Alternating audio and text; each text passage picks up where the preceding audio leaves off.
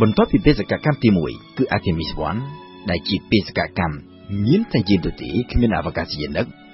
ទីភ្នាក់ងារ NASA ក្រុមធ្វើបេសកកម្មទី2គឺ Artemis 2នៅក្នុងអំឡុងឆ្នាំ2024ខាងមុខដោយនៅក្នុងដំណាក់កាលទី2នេះ Artemis នឹងមិនធ្វើដំណើរទៅដល់ទូទេនោះទេដោយនៅក្នុងយាន Orion នឹងមានដឹកអវកាសយានិកចំនួន4រូបគោលដៅគឺធ្វើដំណើរទៅហោះកាត់មួយជុំព្រះច័ន្ទ រួចហើយវិលត្រឡប់មកផែនដីវិញក៏ប៉ុន្តែមិនចុះចតលើដីព្រះច័ន្ទស្រដៀងទៅនឹងបេសកកម្ម Artemis 1ដែរបេសកកម្ម Artemis 2ត្រូវបាញ់បង្ហោះចេញពីដីនេះទៅដោយប្រើ rocket SLS ក៏ប៉ុន្តែខុសពី Artemis 1ដែលហោះសម្ដៅទៅកាន់ព្រះច័ន្ទភ្លាមៗ Artemis 2វិញនឹងត្រូវចំណាយពេលប្រមាណជា24ម៉ោងហោះនៅក្នុងគន្លងជុំវិញផែនដីជាច្រើនជុំដើម្បីពិនិត្យប្រព័ន្ធយាន ក៏ដូចជាធ្វើតេស្តបច្ចេកវិទ្យាចាំបាច់មួយចំនួនជាមុនសិនទើបហោះសម្ដៅទៅកាន់ព្រះច័ន្ទជាក្រោយជាដំបូងក្រោយពីហោះចេញពីដីហើយក្រោយពី booster ទាំងពីរនិង core stage នៃកំណត់ទី1ត្រូវបានផ្ដាច់ចេញរួចហើយ rocket កំណត់ទី2ឬ upper stage រួមជាមួយនឹង Yin Orion នឹងត្រូវហោះចូលទៅក្នុងគន្លងតារាវិថីទាបឬ low Earth orbit ដែលហោះចូលក្នុងគន្លងរាងជាអេលីបដោយចុះមកខាងស្ថិតនៅប្រមាណជា180គីឡូម៉ែត្រពីដី ចំណែកចុះមកខាងទៀតនៅប្រមាណជាជិត3000គីឡូម៉ែត្រក្រោយពីហោះមួយជុំនៅក្នុង low Earth orbit នេះដោយត្រូវចំណាយពេលប្រមាណជា90នាទី Upper Stage នឹងបញ្ឆេះ motor សារជាថ្មីដើម្បីរុញយាន Orion ឲ្យទៅដល់គន្លងតារាវិថីខ្ពស់ឬ High Earth Orbit ដោយចុះមកខាង នៅប្រមាណជា370គីឡូម៉ែត្រចំណែកឯចុះមកខាងទៀត ចេញទៅរហូតដល់ប្រមាណជា100,000គីឡូម៉ែត្រពីដី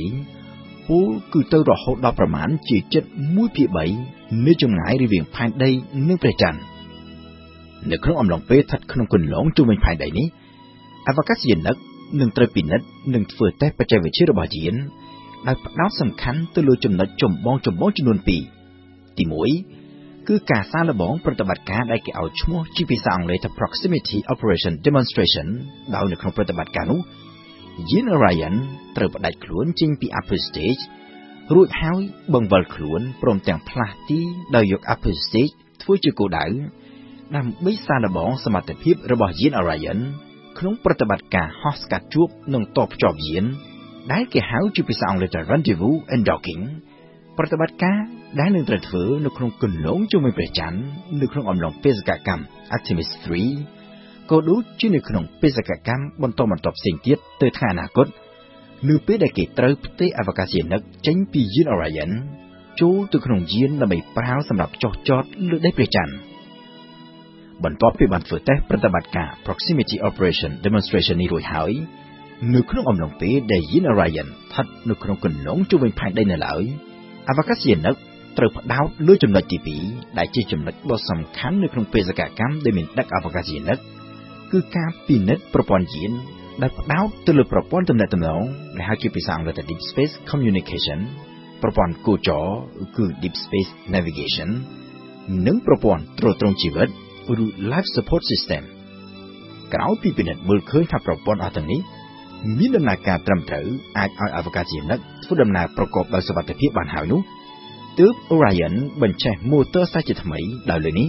គេត្រូវប្រើ motor ដែលនៅជាប់នឹង service module របស់ Orion ដោយផ្ទាល់ដើម្បីបង្កើនល្បឿនឲ្យយានចូលទៅក្នុងគន្លងដែលនាំទៅកាន់ព្រះច័ន្ទនៅក្នុងយន្តការដែលគេឲ្យឈ្មោះថាជា Aliburn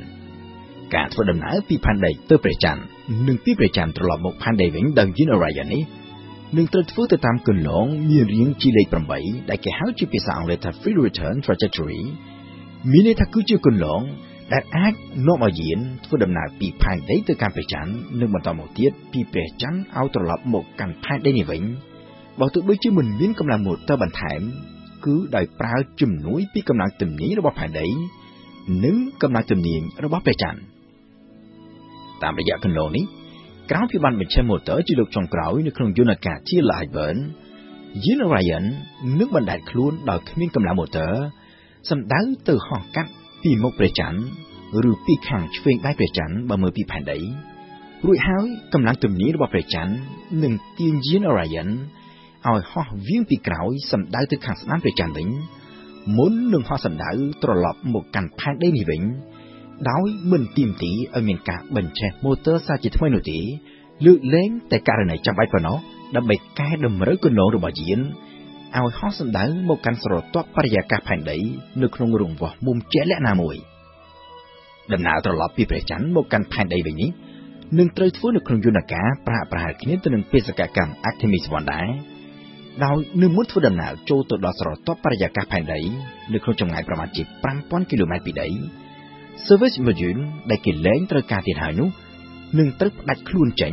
ដោយទុកតែ Crew Module ដែលមានទុកអវកាសយានិកទាំង4រូបឲ្យហោះសម្ដៅមកកាន់ស្រទាប់បរិយាកាសផែនដីដោយមុនពេលមកដល់ស្រទាប់បរិយាកាសនេះ Crew Module ដែលមានរាងជាសាជីត្រូវបង្វិលត្រឡប់ខ្លួនដើម្បីធ្វើយ៉ាងណាឲ្យផ្នែកដែលមានខែលការពារកម្ដៅត្រូវស្ថិតនៅខាងមុខដើម្បីការពារទូយាននិងអវកាសយានិកដែលនៅក្នុងនោះ ពីសីតុណ្ហភាពក្តៅខ្លាំងដែលកើតឡើងពីភាពកកិតនិងស្រទាប់បរិយាកាសដំណើរចូលមកកាន់ស្រទាប់បរិយាកាសផែនដីដែលគេហៅជាភាសាអង់គ្លេសថា re-entry ត្រូវចាប់ផ្ដើមលើរយៈកម្ពស់ប្រមាណជា120គីឡូម៉ែត្រពីដីដោយនៅពេលនោះ Orion ធ្វើដំណើរនៅក្នុងល្បឿនរហូតដល់ទៅប្រមាណជា11គីឡូម៉ែត្រក្នុង1វិនាទីមុននឹងត្រូវស្រទាប់បរិយាកាសធ្វើឲ្យបន្ថយល្បឿនបន្តិចម្ដងបន្តិចម្ដងហើយនៅពេលដែល Orion ធ្វើដំណើរមកដល់រយៈកម្ពស់ប្រមាណជា7000ម៉ែត្រពីដី ឆ័ត្រយងនឹងត្រូវបើកជាបន្តបន្ទាប់ដើម្បីឲ្យយានបន្ថយល្បឿនបានកាន់តែយឺតមុននឹងអាចបើកឆ័ត្រយងធំធំទាំង3ឲ្យ Orion ធ្លាក់ចុះសន្សឹមសន្សឹមទៅលើទឹកសមុទ្រធ្លាក់ចុះនៅត្រង់ទីតាំងដែលគេបានកំណត់